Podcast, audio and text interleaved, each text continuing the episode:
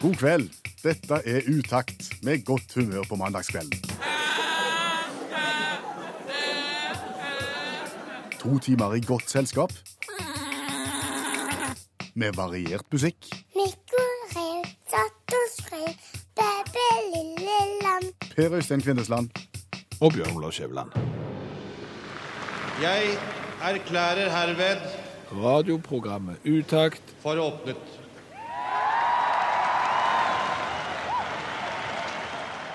Chris Riazang med fransk tittel. Og siden du, Skjæveland, er den eneste i Utakt-personalet som har vært au pair i Frankrike, kan ikke du ta deg av dette? Det kan jeg godt, som eh, jeg kan gi de mannlige franske au pairene en stemme. Og auberge eh, oversatt omtrent som så herberg, men du må tenke deg at folk reiste liksom fra en by til en annen. Og så langs den der stien, langs den veien, så måtte de gjerne ha overnatta, og da måtte de ha en plass å sove. Men de måtte òg ha mat. Så heter auberge eh, er på en måte et overnattingssted med mat og drikke, som gjerne ligger litt på landsbygda langs en vei. Motell? Kan, kan vi si at det er et motell? Motell, om du vil. Det er helt greit. Mens du har ordet, du skal ikke bare ta formålsparagrafen for dette programmet før vi går videre. Det kan jeg godt. Hvis du ikke har hørt Utakt, som går hver eneste mandag mellom ti og midnatt, så skal Utakt forsøke å skape godt humør på en mandagskveld. Og så skal vi prøve å være godt selskap. Ja. Og mer kan vi ikke få til. Nei, vi kan ikke det, så bare vi klarer halvparten av det, så skal vi være fornøyde. Du, Hvis du går ned i verktøykassen din, Ja, ja. hvor mange kryssbordbits har du? Kryss kryss, Kryssbordbits. kryss Vet ikke. Trivingbits, har du det? Nei. Eller er du bedre på posidrivbits? Posidrive, det, det er jeg sterke. Altså Grunnen til at jeg spør, er fordi at jeg skal ut og kjøpe skrujern. Skrutrekker heter det gjerne på Østlandet. Og, og du vet at verden er jo kommet så langt nå, Per Øystein, at nå går du ikke ut og eventuelt kjøper deg et skrujern. Nå kjøper du et sånn et sett med der, der selve skrujernet er en pinne med, med et hull i enden, Ja. og så stapper du innpå det du trenger. Det som kalles bits på enden der. Ja, Det du eventuelt skal skru, så stapper du inn en sånn en, og så skrur du på den, og så tar du en ny, og sånn. Ja. Og jeg var jo da hos en butikk som har bil som tema. Ja. Claes Olsson. Ja, selvfølgelig. Eh, og, og der kjøpte jeg da et sett med, med sånn en pinne til å skru med, og, og, og disse bitsa til å stappe oppi. 66 bits. 66 bits. Ja, og der var det kryssbordbits. Det var rettsbordbits, det var trivingbits, det var posidrivbits, det var spannerbits, torkset, torkbits, tork temperproof, firkantbits, umbracobits, umbracobits med hull i forskjellige størrelser. Alle de forskjellige typene der fantes. Det var ikke vanlig skrujern. Jo, det er sikkert rettsbordbits. Eller hva er vanlig skrujern da? Det var det jeg tenkte. Kan det være nødvendig? Med Alle disse typene skruer, går det ikke an å bli enige om, la oss si, én og til nøds to typer? For, for, for jeg, jeg kan ikke hvordan eh, skruer og skrujern oppsto, men, men la meg tippe at en eller annen gang så har skruen oppstått, og da var det gjerne den med bare ett spor over, sånn rett, altså rett skrujern. Flattjern, som jeg kaller det for. Ja, ja. Og, og hvor god var de å skru med? Ikke spesielt god. Nei. God ei stund, men så begynner det å glippe. Ja, Og har du litt feil skru igjen, så går det veldig galt. Ja, og, og det var det nok noen som tenkte. Så tenkte de vi må finne på noe annet, og så lagde de gjerne det som vi kaller for stjerneskrujern. Altså stjerneskruer. Philips-skruer har jeg hørt. altså. Kjært barn har mange, mange skrunavn. Ja. Og det var jo mye bedre enn den der rette. Ja, men du har problemer her òg. Ja, For bommer du litt på størrelsen her òg, så Ja. går det rundt, og så får, du en, så får du en runding i stedet for ei stjerne, og så sitter det fast. ja og, det var det nok noen som fant ut. Og så lagde de en ny type. Kanskje lagde de Unbraco, eh, hva vet jeg, som jo er en sånn firkant, femkant, sekskant lignende sak, som Ikea har forelska seg i. Og det funka jo mye bedre enn de to andre. Ja. Men det var vel forbedringspotensial eh, der òg. Så var det gjerne noen som lagde Torx. ja hvem var han? Han Torx, Ferdinand Torx. Nei, jeg aner ikke. Men, og så kommer alle disse andre. Og det er noen helt merksnodige hoder oppi det settet som jeg kjøpte. Ja, ok, Men det du sier, du vil, du vil ned til én eller to, og hvilken av disse her vil du velge, da? Har ingen anelse. Ja, Det må du ha. Jo, men Dette kan folk bedre enn meg. Altså Her kan jo EU sikkert sette ned et utvalg og finne ut hvilken skrue vi skal, skal gå for. men, men det jeg tenker er at verden går jo framover. sant? Ja. Sånn at hvis du ser på det som vi snakket om nå, med at den rette skruen var gjerne først, og så kom den. Hvorfor overlever den da? Altså Den første skruen, hvorfor får den lov å være med videre i assortimentet når noen har sagt at den er for dårlig? Det var jo trehjul før. Og så fant de ut at nei, vet du hva, trehjul er ikke så godt, vi, vi lager noe med gummi. Ja. Og så fant de ut at gummi er flott, og så begynte de å lage ting av metall, og så fikk de lettmetallfelger, og så fikk de sant bre- Det er jo ingen som kjører på trehjul lenger, så liksom OK. Så, så etter hvert som en, en finner på nye ting her, så skal det andre ut. Så til slutt så sitter vi igjen med Ja, men snart så trenger du vel ikke finne på nye ting. Hvor mange måter kan det være å skru i og skru av på? Poenget er vel at det ikke glipper. Ja. Og at det er plass til et skrujern oppi av en eller annen type, så får de voksne bestemme hvilken, men for all del bare få vekk det der idiotiske retta flatjernet og rettsborbitsen og triving. Ja.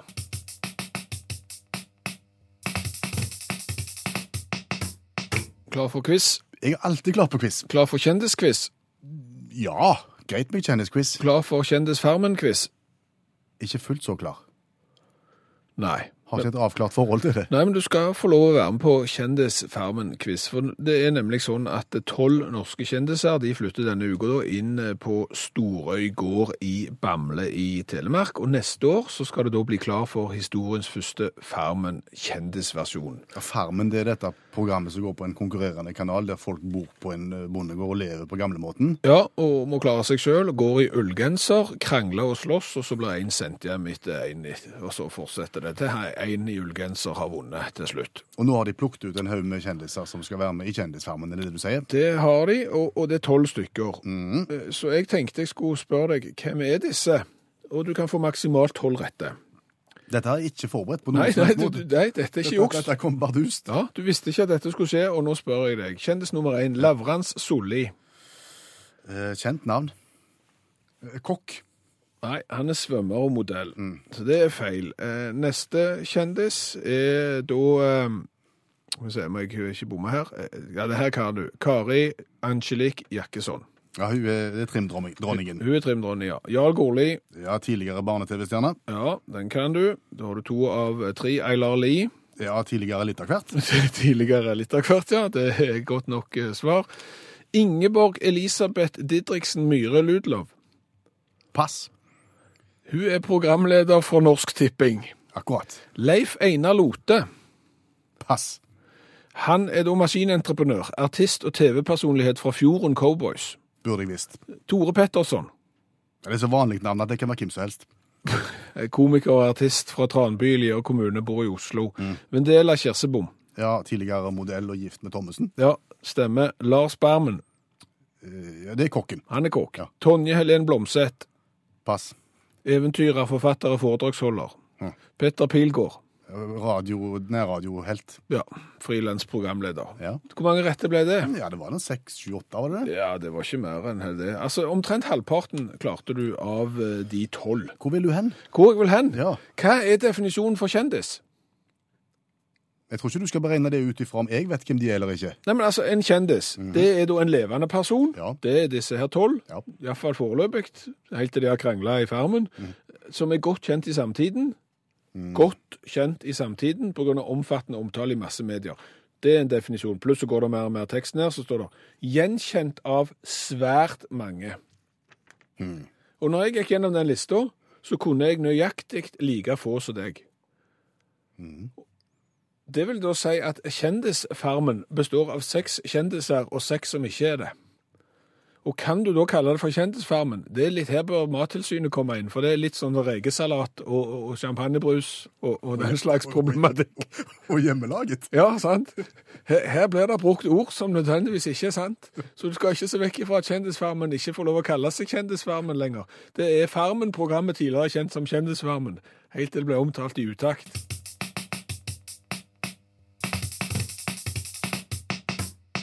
Kan jeg stille deg et spørsmål? Selvfølgelig kan du det.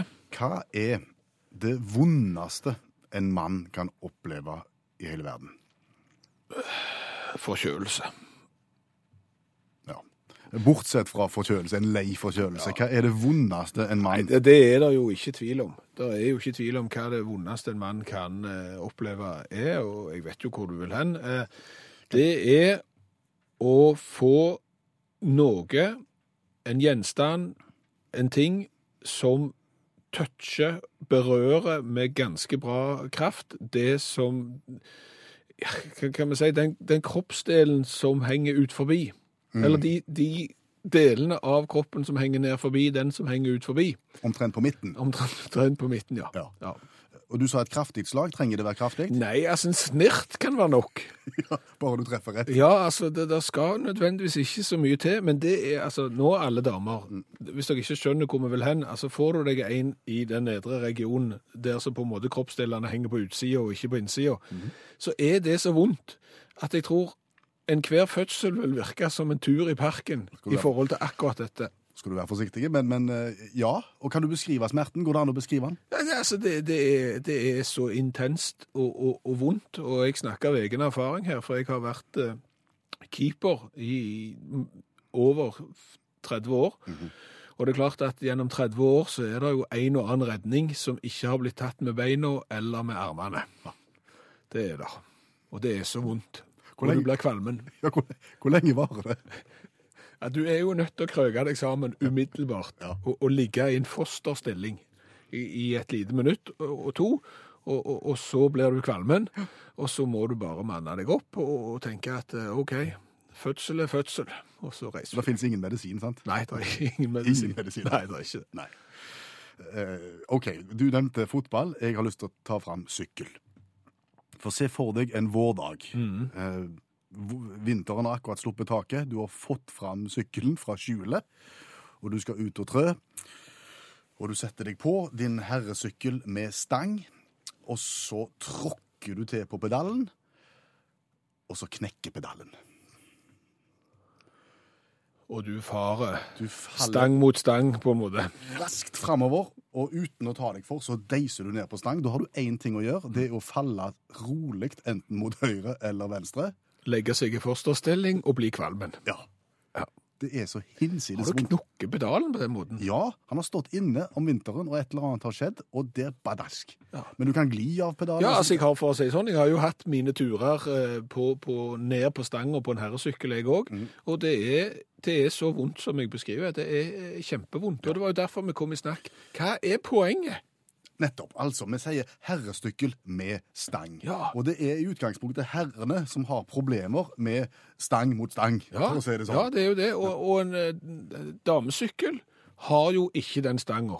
Og det er sikkert vondt for de òg å havne på den stanga, men her vinner vi. Det er ganske bombesikkert. Det er verre for oss. Og hvorfor er det vi som har stang, og dere har ikke? nei, nettopp. Altså, Det kan godt hende sånn for tidens morgen å ja, men de skal sykle med skjørt og sånn, og da kan ikke de ha stang, og herrene de har på seg blazerjakke og, og dressbukser og flosshatt, og de kan godt ha stang.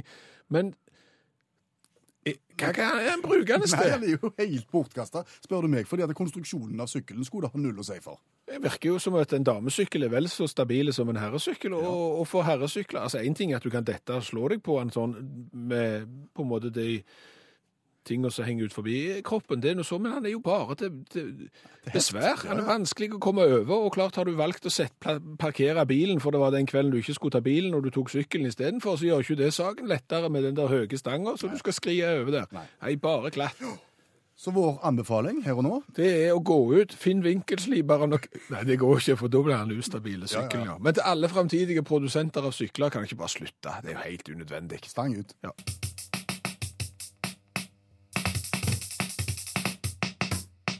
Vi ble jo sittende i den røde sofaen ut forbi studiovinduet her i, i, i dag før sending og diskutere den litt odde, rare flyforsinkelsen vi hørte om i forrige uke. Skilpaddeforsinkelsen. Skilpaddeforsinkelsen, de som ikke kom seg til Syden, fordi at eh, i nærheten av flyplassen i Syden så var det noen skilpadder som trengte fred og ro. Og da kunne ikke flyet lande, og dermed så kunne ikke folk reise. Og mens vi satt og snakket om det, så kom vår faste mandagsvenn, allmennlærer med to vekttall i musikk, Olav Hove, inn til oss.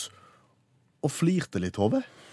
Ja, For eh, det er jo spennende med skilpadder, liksom, og, og det høres unikt ut, men det er ikke så veldig unikt. da. Fordi at uh, dette med, med forsinkelser, hvis du går litt inn i det, så oppdager du ofte at det kan være pussige ting som har skjedd.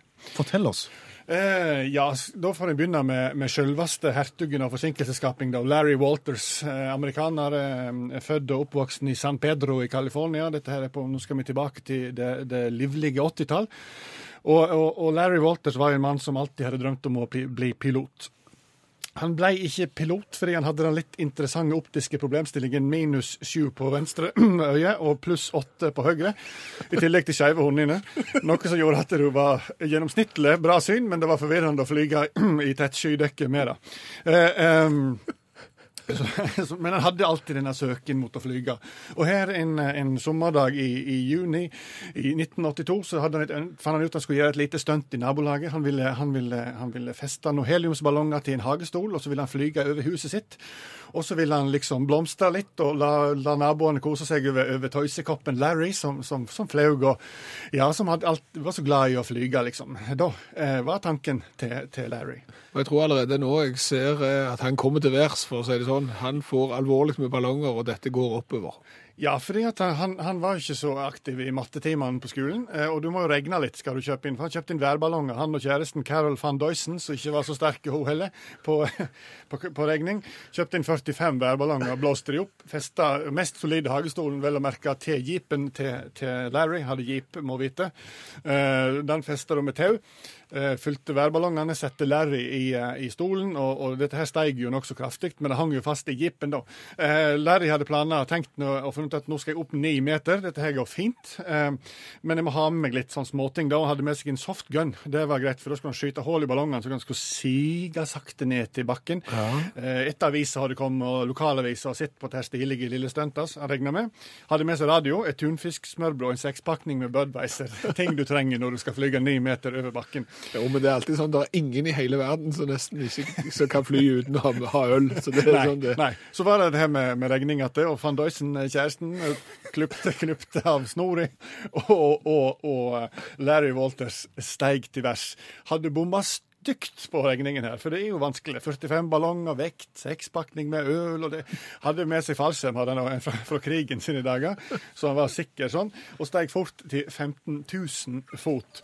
Altså bomma 15 000 fot, bare altså til orientering. eh, På 10 000 fot så skal du egentlig ha oksygen. Ja, 4600 meter over havet var han da. Eh, eh, og fikk jo ikke panikk, da. Han var jo, må vite, sterk på aviasjon. Så, men, men, men, men tenkte jeg, jeg, bør kanskje ikke skyte hull i ballongene nå, for jeg vet ikke helt hva som skjer. Det kan komme ubalanse, og ikke minst, jeg kan miste ølen. Så han, han, han følte kanskje at her, her, her fikk han holde seg rolig. Eh, ble tatt litt av vinden, gikk innover Long Beach, for de som er kjente, og, så, og, og nærma seg da flyplassen flyplassen LAX, eller LAX, som vi kaller den. Internasjonal flyplass, eh, og han oppdaga at nå var han inne i den flykorridoren. Eh, og, og, og flytrafikken de, de, de fikk I tårnet på LAX fikk en del merkelige meldinger. Mann i solstol. Sett over her. Hva gjør vi nå? Flytrafikken på LX stoppa naturligvis fullstendig opp. Eh, eh, de kunne ikke flyge, for de visste ikke helt. Eh, Larry han var litt redd for at flyvåpenet skulle gripe inn og skyte han ned, for å se på han som det kanskje var et slags terrorangrep, her, eller at han bare var riv ruskende galen. Så han tenkte nei, jeg må komme meg ned igjen, det er kanskje lurt at jeg skyter noen altså her ballongene nå. Så han eh, ti ballonger først, og så mista han softgun-pistolen sin, fortærende. Men, men, men han gikk nå sakte nedover eh, etter hvert. da. Eh, tok lang tid, tok en og en halv time, han fikk drukket opp sekspakningen sin. Og som seg hør og bør, så trefte eh, trådene som, som ballongen holdt i, traff høgspenten selvfølgelig over Long Beach, sånn at samtlige husstander i mils omkrets eh, ble mørklagde. Ble umiddelbart arrestert, eh, som seg hør og bør da òg, men pga. manglende lovverk rundt menn, flygende i hagestol, fest og værballong, så enda han opp med bot på kun 10 000 kroner ble spurt av journalister rett etterpå hvorfor i helsike gjorde du det her, og, og Larry Walter svarer det legendariske en mann kan ikke bare sitte i hagen og tvinne tommeltotter.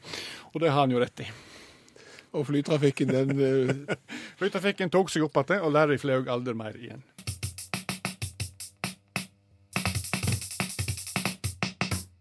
Du! Ja. Kan du for Utakt sine ti millioner lyttere, både nasjonalt og internasjonalt, definere hva er et krabbefelt. Et krabbefelt Ja, i veien, tenker I du? trafikken, ja. Uh, krabbefelt, det er gjerne ett av to felt. Gjerne det ytterst til høyre, der du som ikke har lyst å kjøre så fort, eller du som ikke kan kjøre så fort fordi du har store, tunge bil, gjerne legger deg, sånn at du som har lyst å kjøre forbi, og som har ligget bak ganske lenge, kan kjøre forbi i venstre felt. Ja, Var det en grei definisjon? Ja, Det hørtes for så vidt ikke så verst ut, det. Det kunne nesten høres ut som den rette definisjonen, men jeg er ikke bombesikker på om alle er like enige med deg, ser du. For jeg tror det er noen som har den definisjonen et krabbefelt, det er der jeg kan legge meg og gi bånn gass og kjøre så fort som jeg overhodet kan, etter at jeg to mil før har ligget og lagd verdens aller lengste kø fordi jeg har kjørt altfor seint. Ironi på radio, Skjæveland, det er ofte vanskelig. Så jeg lurer på om du skal bare si det rett ut, jeg. Hva er det med folk? Klart tale der. Ja, men altså, det, det- det skjedde i dag òg. Jeg har kjørt E39 i dag på langtur. Og, da, og det du opplevde var følgende. Da ligger du bak en som kjører altfor seint. Og da mener jeg altfor seint. Da ligger du 10-15 km i timen under fartsgrensen. Og det er greie, oversiktlige forhold. Han burde kunne ha holdt fartsgrensa.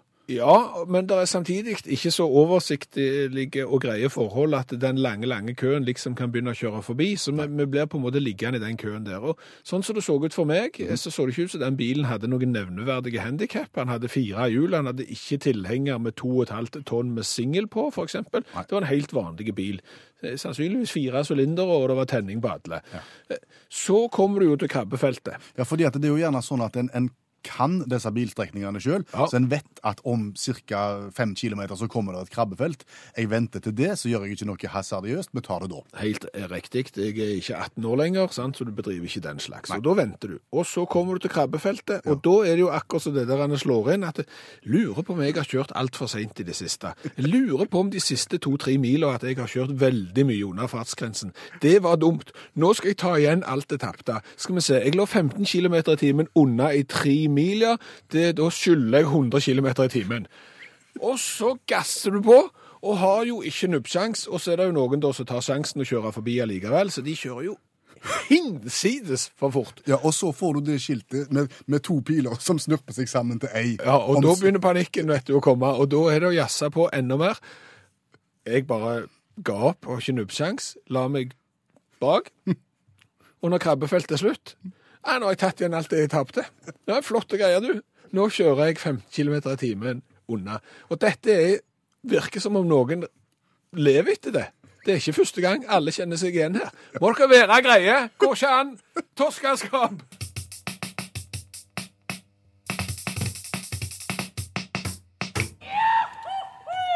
Dette er lyden av konkurransen i utakt, der premien er utakts i eksklusive T-skjorter med V-hals. Der vi ber folk melde seg på, men der de må svare rett på inngangsspørsmålet. Ja, inngangsspørsmålet er hva heter du og hvor bor du? Kari svarte Kari, og hun svarte Oslo. Og det har vi sjekket med telefonkatalogen, og det stemmer. Hei, Kari. Hei, hei. Hei, hei, hei. Eh, Kjenner du til konkurransen i utakt? Ja da, den har jeg hørt flere ganger. Flott. Har du blitt inspirert? Veldig inspirert.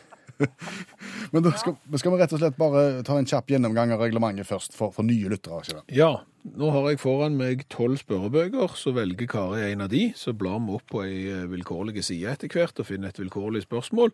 Svarer Kari rett, så skal hun få gladjodling. Er svaret feil, så blir det tristjodling. Men uansett så er det den samme premien, T-skjorta med V-hals. Yes.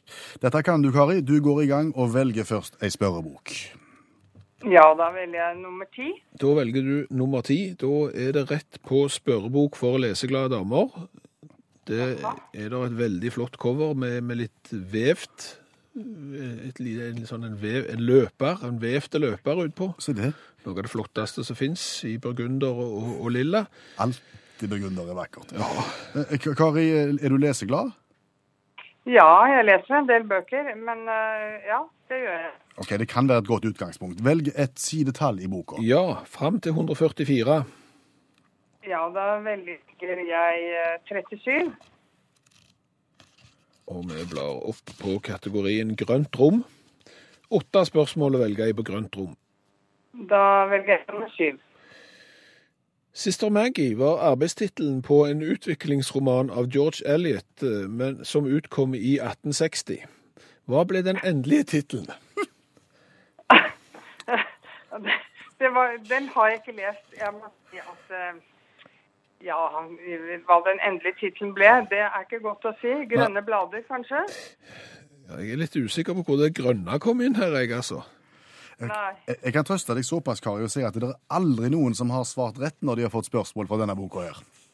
Nei. Så, det, så skal, du skal ikke være lei deg for det. Og, og normalt sett så prøver vi så godt vi kan å, å gjøre hverandre gode og hjelpe deg fram til rett svar, men jeg, jeg klarer ikke det, for jeg vet ikke hvordan jeg skal klare å liksom lede deg inn på the mill on the floss. Nei. Det skjønner jeg. Ja, så det ble feil. Yadlalau, Det er mulig vi må lese the mill on the floss. Jeg tror det. Ja, jeg tror det. Du, Nå parkerer vi den boka for leseglade damer, Kari, og så, og så velger vi en ny. Da er det bare 11 igjen. Da er det 11 igjen. Da jeg, mel, velger jeg nummer eh, fem. Nummer fem. Kåre Kapps nye spørrebok fra 1987, som vi har fått fra Steigen skole sitt bibliotek når de rydda. Der Ja. er det da 60 sider. 60 sider. Da tar vi side 43. Da er vi spent på kategorien. Ja, det er litt om alt. Det er Kapp 14. Kapp 14 skal vi ta det. Eh, 30 spørsmål å velge i der. 30 spørsmål. Da tar vi spørsmål to. Hva er et rosarium?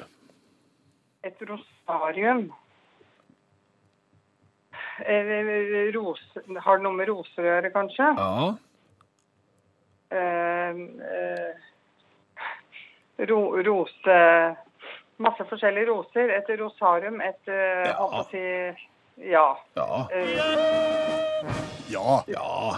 Altså, det er hage, Ja.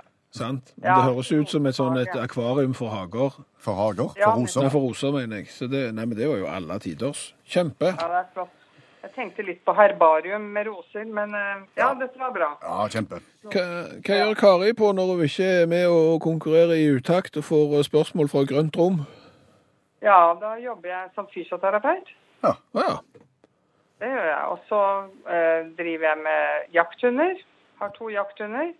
Og så, så jeg trener litt på skytebanen og trener litt med hundene. Hva heter hundene? Det er Ferrari, er den ene. Han er en halvt italiener. Og så er det Billy Holiday, som er den andre. OK, la meg gjette at Billy Holiday er mye raskere enn Ferrari. Nei, han er nok raskest. Han er så ung og sprek, han, skjønner du. Ja, der har du det. Hvis du er heldig nå, så får du kanskje et spørsmål om hund. Skal vi velge et nytt spørsmål, en ny bok? Ja, ti bøker igjen. Du har ti bøker igjen. Da får vi velge nummer eh, syv. Nummer syv. Vi går på Quizgiganten. 3000 spørsmål og svar. Og da må du finne et sidetall mellom 10 og 400. Mellom 10 og 400. Ja, da velger jeg nummer 11, jeg. Det er jo så vidt vi har passert innholdsfortegnelsen. Vi er på godbok for de minste. Ok. Fem, 15 spørsmål å velge i. Ja, da skal vi se. Da tar vi spørsmål tre. Tre. Hva het onkelen i Elsa Beskovs bøker om tante Grønn, tante Brun og tante Fiolett? Onkel Blå. Har du noen ganger sett en mer nifsmann på fjernsyn enn den framstillingen av Onkel Blå i sin tid, eh, Kari? Eh, Nei, det har jeg ikke. Han så skummel ut. Ja, med de brillene og total mangel Ja. på mimikk. Ja, Ja, han ser jo litt skummel ut i boken òg. ja det var noe med han. Nifst. Ja, det var det. Kanskje du skal skrive oppfølgeren? Onkel Blå. Så slik er jeg egentlig. Det hadde vært artig. Ja. Da har vi vært igjennom tre, Kari. Det ble to av eh, tre, og det er slettes ikke verst, det. Det er kjempebra. og Så får du ha god tur ut med Ferrari og Lady Billy Holiday. Billie Holiday, ja. Ja. Lady Ja, Day. ja, flotte greier. Tusen takk, og fortsatt en god kveld. Og jeg skal høre på resten av programmet i dag. Så bra. Nå kan du ta oss og jage mannen inn igjen i stua, så slipper han å sitte på naborommet og høre på radio.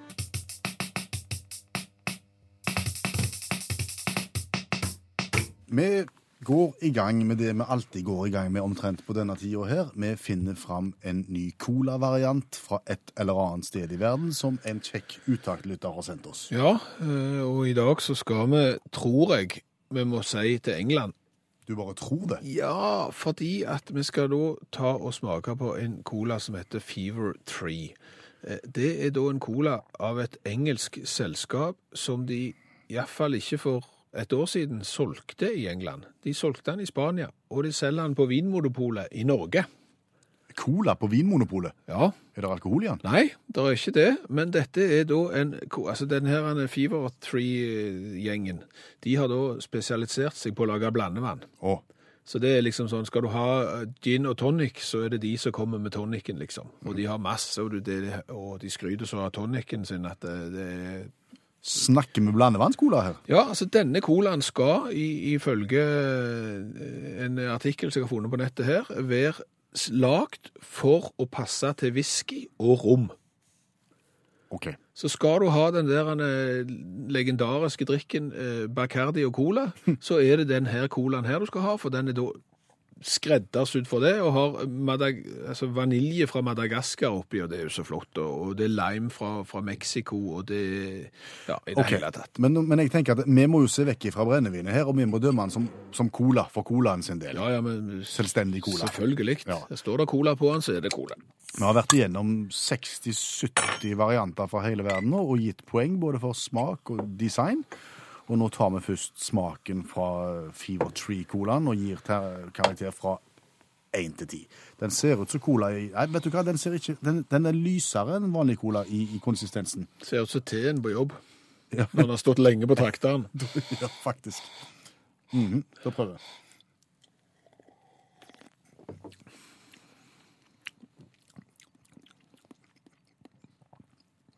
Ja, hva var det? Ja, hva, hva var det? Det var ikke vondt. Nei. Det var ikke godt heller.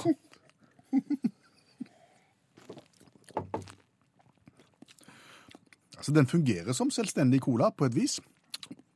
Ja, men det er ting oppi her. Ja. du kjenner den her meksikanske limen og, og dette her han, eh, Van vaniljen kjenner du. vaniljen fra Madagaskar. Ja, og vi har vel sagt tidligere at vanilje og cola det er som pluss og minus på, på batteriet. Ja. Ja, det vekk med det. Altså motsetninger. Det er altså helt, helt middel, fem. Middelmådig.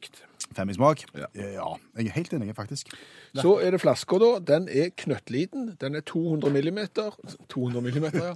200 milliliter, så det er en liten flaske. Den ser ut som en, den er mindre enn den som du fikk i barneselskap. Ja, og har sølvetikett med et tre på, et såkalt Fever Tree sikkert, henger det sammen med. Så, så han er veldig tøff flaske, Ja. eh, og han passer sikkert på et sånt et serveringsbrett sammen med et glass med, med rom eller whisky, og så setter du den ved siden av for fint. Mhm. Men det liksom går gatelangs og drikke Fever Tree Cola fra tuten, nei, det vil ikke tatt seg ut. Det, det, det vil ikke si. Så det er fem det òg, midt på treet. Ja, jeg tror bare jeg skal være helt enig med deg der òg. For det, det, er helt gjennomsnitt. Du må, du må få dine egne meninger på, Øystein. Ja, men det var så gjennomsnitt. Dette her, det går ikke an. 20. 20 beint. 20 poeng beint, og det er faktisk midt på treet, det. Ja. Da er alt som det skal være. Alt er som det skal være.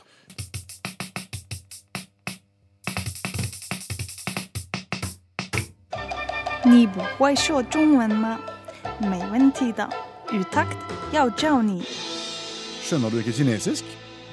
Ingen problem, utakt vil lære deg. Vi gir oss ikke, Skjæveland. Vi fortsetter vår lille intensive kinesiskopplæring. Ja, og det er jo fordi at vi vet f.eks. at svært mange kinesere kommer til Norge, men vi vet òg at svært mange nordmenn reiser til Kina. Ja. For, for det er jo sånn Per Øystein, at eh, hvis vi reiser til Kina og f.eks. vil se en berømt turistattraksjon i, Kina, og, For eksempel en forbudte by. så kan jo ikke vi komme og bare spørre en kineser Can I see the forbidden city? Hæ? Nose heter jo ikke det. Nei. Så dette må vi lære. Ja. Og dette kan vi selvfølgelig ikke sjøl. Vi har med oss eksperthjelp. Vi har med oss vår egen Kjersti Hetland. God kveld, Kjersti. Eh, Hva vil kineserne si hvis de vil anbefale oss å se Den kinesiske mur, f.eks.? Da vil de si chang-chong. Chang-chong? Chang-chong. Den vil de anbefale. Den vil de anbefale. Hvorfor, het, hvorfor heter han chang-chong? For chang, det betyr lang, og chang betyr mur. Én bokstav fra lang til mur her. Jeg er helt overraska, må jeg bare si. Ja, men, vi noterer den. Chang Chong. Chang-chong. Changcheng. Og så vil folk som er i Beijing, gjerne se Tiananmen. Da gjetter jeg på Den himmelske freds plass. Ja, det er korrekt. Men direkte oversatt på kinesisk så er det Den himmelske freds port. Oh.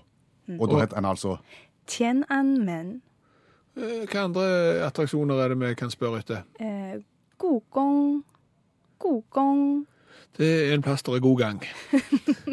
Ja, det har i hvert fall vært særdeles god gang her en eller annen gang i keisertiden. Eh, for det er da eh, Det forbudte by. Gogong. God gang. Forbudte by. God gang. Som da oversatt betyr eh, gammelt palass. Å ja, OK. Eh, men så er det jo folk som reiser ut forbi Beijing òg, til byen Xi'an. Og der kan en da se Qin Shi Huang Bing Ma Yong. Den er kjempefin. Det er så mange som er imponerte når de får se den. Ja, særlig i, i, når du får kveldssola på den, så er den strålende.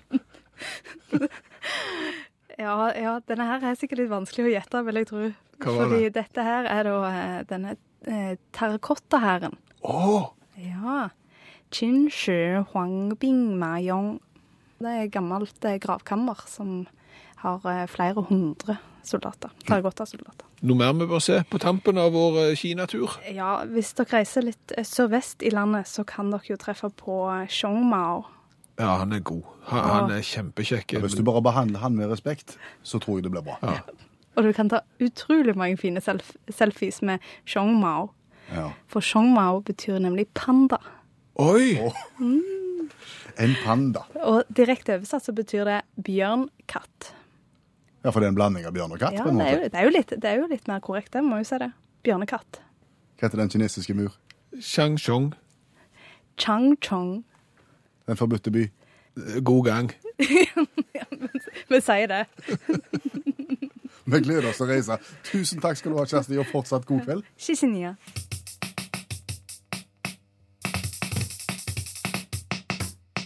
Så har du skrevet følgende overskrift for det som vi skal snakke om nå. Skolemedisinen må lære av fotballen. Ja, Utropstegn. Ja, utropstegn. Det- Dette er noe jeg mener. Fordi at jeg har brukt ganske mye tid av helga mi på å se fotballkamper. Eh, Jeg har vært og sett live fotballkamper, og jeg har sett eh, på TV. Og det viser seg begge steder, både på skjermen og i real life på gressplenen, at når noen får vondt og slår seg, så er det utrolig hvor godt det gjør med litt vann på strømpen. Litt vann på strømpen. Ja, da kommer det springende ut en sånn medisinmann med væske, Ja. og, og fotballspilleren ligger jo og vrir seg fordi at det er jo så vondt. Det er jo nesten som at han har falt ned på stangen på sykkelen og, slått de kroppsdelene som henger ut av kroppen. Eh, Nesten så vondt er det. Og så kommer medisinmannen bort, og så spruter han litt vann på strømpen, og så er det i orden igjen. Det er ikke is engang, det er bare vann. Ja, ja, ja. Bare vann. Mulig at av og til så er det jo isspray òg, så, så vi kan jo si at isspray og, og vann på flaske på strømpe er, er nok det som skal til for, er, sånn ser det ut for meg iallfall, til å helbrede de mest eh, alvorlige sykdommene. Og det, dette, og det er her skolemedisinen har noe å lære, mener du? Ja, altså du har vært innlagt på sykehus, jeg har vært innlagt på sykehus, jeg kjenner folk som har vært innlagt på sykehus, og ingen har blitt behandla med vann og is. Nei. Når du ser hvor mirakuløst fort eh, profesjonelle fotballspillere som tjener mennesker. millioner av kroner i uka, virkelig folk du kan stole på, Ja. altså rakrygga mennesker på alle vis, Som aldri ville ha på en måte faka en skade, at de hadde vondt på noe vis. på ingen måte. Og, og når du ser hvor fort de kommer seg, så det er klart at det, du, har jo resepten her, flere, flere bør bruke seg av den. Jeg tenker jo det som de snakker om eh, antibiotikaresistens og den slags, jeg, altså frykten for det. Ja. Altså bytte ut antibiotikaen med, med vann på strømpe. Ja, eventuelt du kan også blåse på, tenker jeg. Ja, det er Det er, nok, det er nok det neste som kommer på fotballbanen nå, når, når eventuelt vannet har blitt resistent mot, mot eh, eh, Ronaldo og de andre. Da blir det nok blåsing, tror jeg. Da kommer medisinmannen springende. Oi, sann, skal jeg blåse bitte litt på.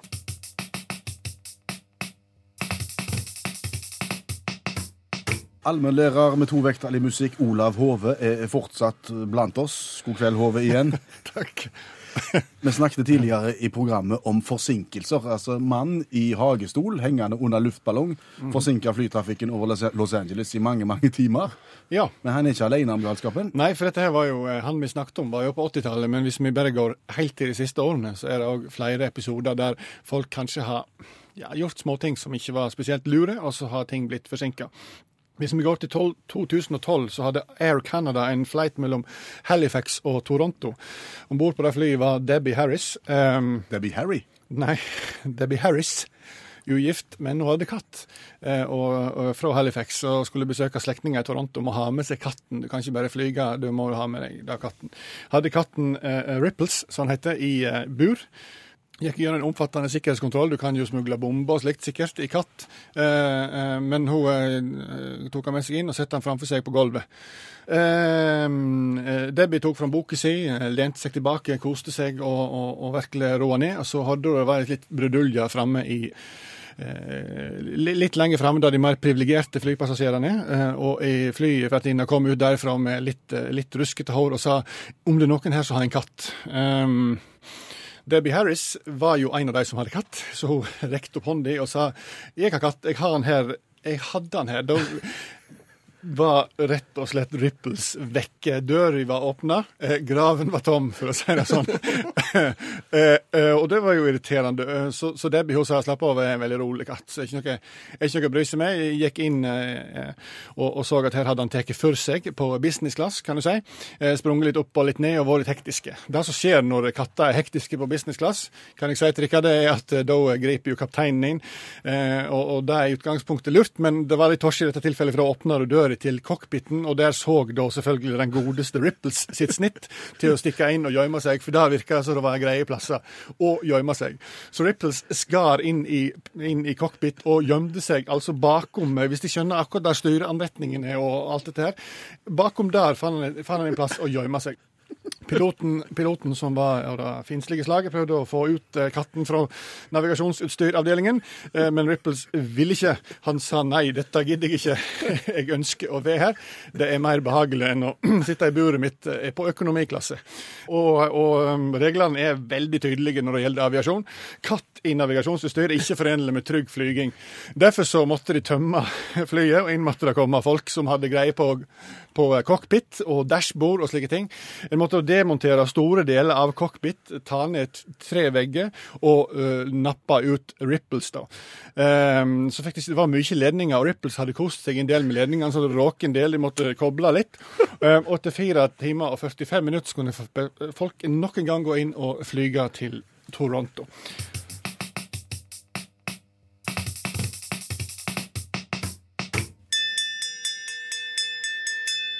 Utakt leser høyt fra boka 'Norges morsomste vitser'. De beste vitsene fra NM i humor. Mopeden. En ung dame var ute og kjørte moped.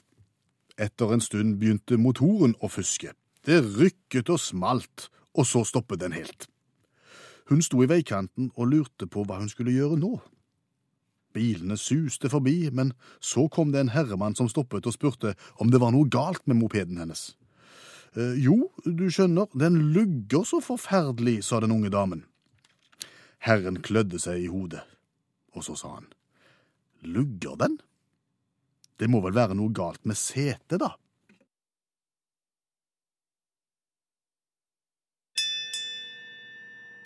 Du har hørt Utakt lese høyt fra boka 'Norges morsomste vitser'. De beste vitsene fra NM i humor.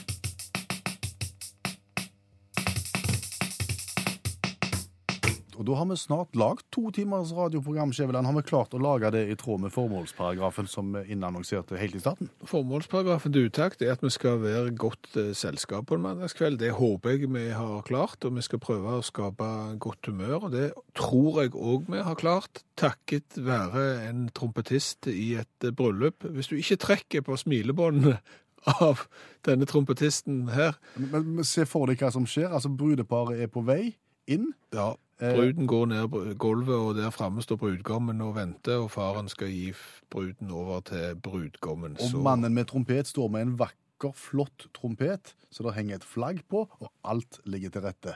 Så begynner han.